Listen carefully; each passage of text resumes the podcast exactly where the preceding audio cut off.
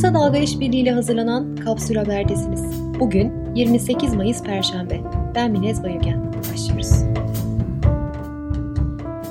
Cumhurbaşkanı Tayyip Erdoğan 27 Mayıs'ın yıl dönümünde eski başbakanlardan Adnan Menderes ve arkadaşlarının yargılandığı Yassıada'daydı. Yeni adıyla Demokrasi ve Özgürlükler Adası'nın açılışında konuşan Erdoğan, Türkiye bundan tam 60 yıl önce tarihinin en kara günlerinden biri olan 27 Mayıs darbesine maruz kaldı. Yassıada'da yapılan iş yargılama değil bir hukuk cinayetiydi dedi. Açılış töreninde bulunan MHP lideri Devlet Bahçeli ise bu yürek oldukça hiçbir demokrasi düşmanı 15 Temmuz'da olduğu gibi belini doğrultamayacak, başını kaldıramayacak, başını kaldırsa bile cezasını çekecektir dedi. Cumhurbaşkanı Tayyip Erdoğan'ın avukatlarının İzmir'de 5 CHP'li yönetici için suç duyurusunda bulunduklarını açıklamasının ardından bugün bir kişi gözaltına alındı. Erdoğan'ın başbakanlığı döneminde yaptığı sosyal medya paylaşımı nedeniyle gözaltına alınan Karabağlar Belediye Meclisi üyesi Dila Koyurga ev hapsi şartıyla serbest bırakıldı. 27 Mayıs 1995'ten bu yana kaybedilen yakınlarını soran cumartesi anneleri mücadelenin 25. yıl dönümünde yine Galatasaray Meydanı'ndaydı. Kırmızı karanfiller bırakan kayıp yakınları, kayıplarımızdan ve kayıplarımızla buluşma mekanımız olan Galatasaray'dan vazgeçmeyeceğiz dedi.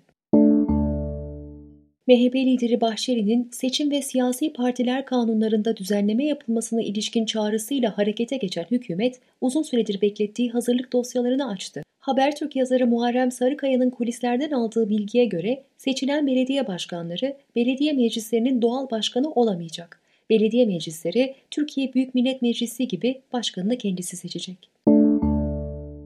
Milli Savunma Bakanlığı İdlib'de yol kontrol devriyesi esnasında sebebi henüz bilinmeyen bir patlama sonucunda bir askerin hayatını kaybettiğini açıkladı.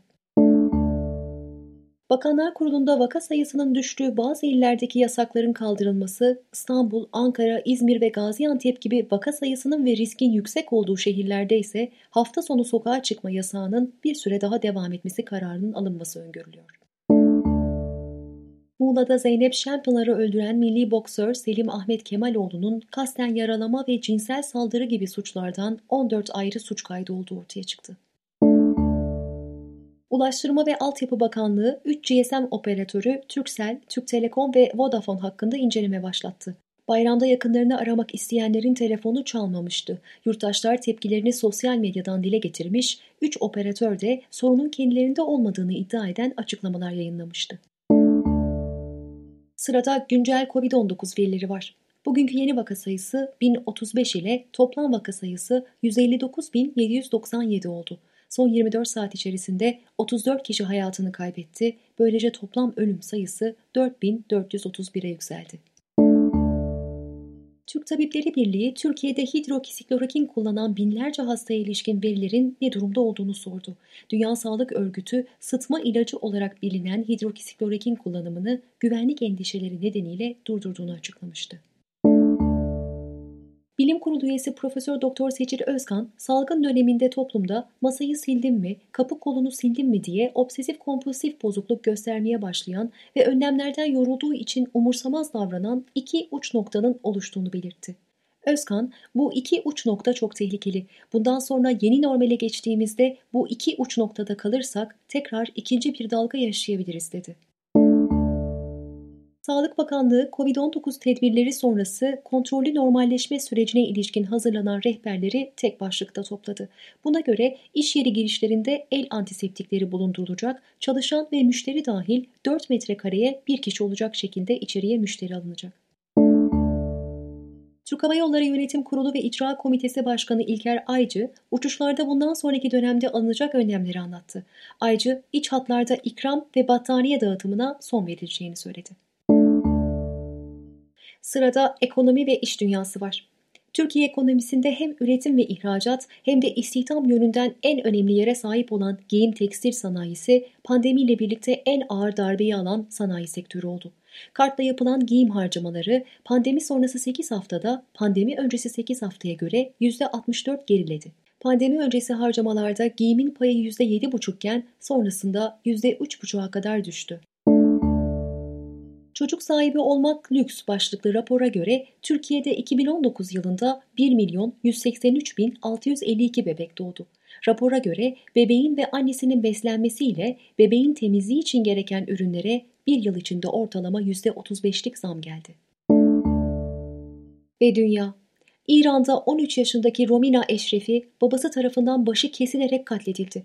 Kızın bir süre önce evlenmek istediği 35 yaşındaki bir adamla evden kaçtığı, polis tarafından yakalanarak ailesine teslim edildiği belirtildi.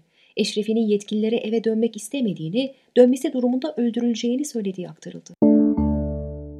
Covid-19 salgını nedeniyle İsviçre'de kapatılan genel evler bir yol haritasıyla yeniden açılıyor. Buna göre damlacıkla virüs bulaşma ihtimalini en aza indirgemek için müşteriyle seks işçisi yüz yüze gelmeden, öpüşme olmadan doggy ve ters cowgirl pozisyonlarında birlikte olacak. Ödemeler temassız olarak yapılacak.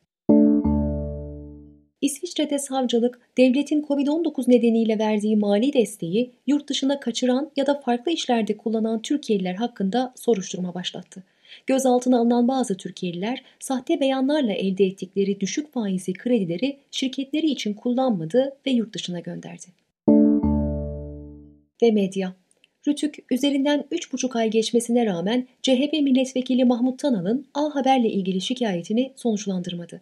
Rütük Başkanı Ebu Bekir Şahin inceliyoruz demekle yetindi. 13 Şubat'ta meclis kürsüsünden 12 AKP'li milletvekilinin Pensilvanya'da Fethullah Gülen'le çektikleri hatıra fotoğrafını gösteren Tanal, normal yaşantılarında başı açık olan kadın vekillerin Gülen'i ziyaretleri sırasında örtünmelerini eleştirmişti. A Haber ise bu haberi Mahmut Tanal yine başörtüsüne saldırdı yorumuyla yayınlamıştı. Twitter ilk kez ABD Başkanı Donald Trump'ın bir mesajına bilgiyi doğrula etiketi koydu. Kaliforniya'da mektupla kullanılan oylarda hile yapıldığı iddiasını dile getirdiği tweetine uyarı konulan Trump, Twitter özgür ifadeyi tamamen boğuyor ve ben başkan olarak bunun olmasına izin vermeyeceğim diye yazdı. Şimdi de ekoloji. Salda Gölü'ne yapılması planlanan Millet Bahçesi ile ilgili peyzaj projesi ortaya çıktı. Projede kıraathane, bungalovlar ve otopark bulunuyor. Günün sözüyle kapatıyoruz. Ağrı'da fırtınada sürüklenen konteynerdaki işçi Tuncay Şahin. Güvenlik kamerası görüntülerini izledim. Ne yalan söyleyeyim kendime üzüldüm.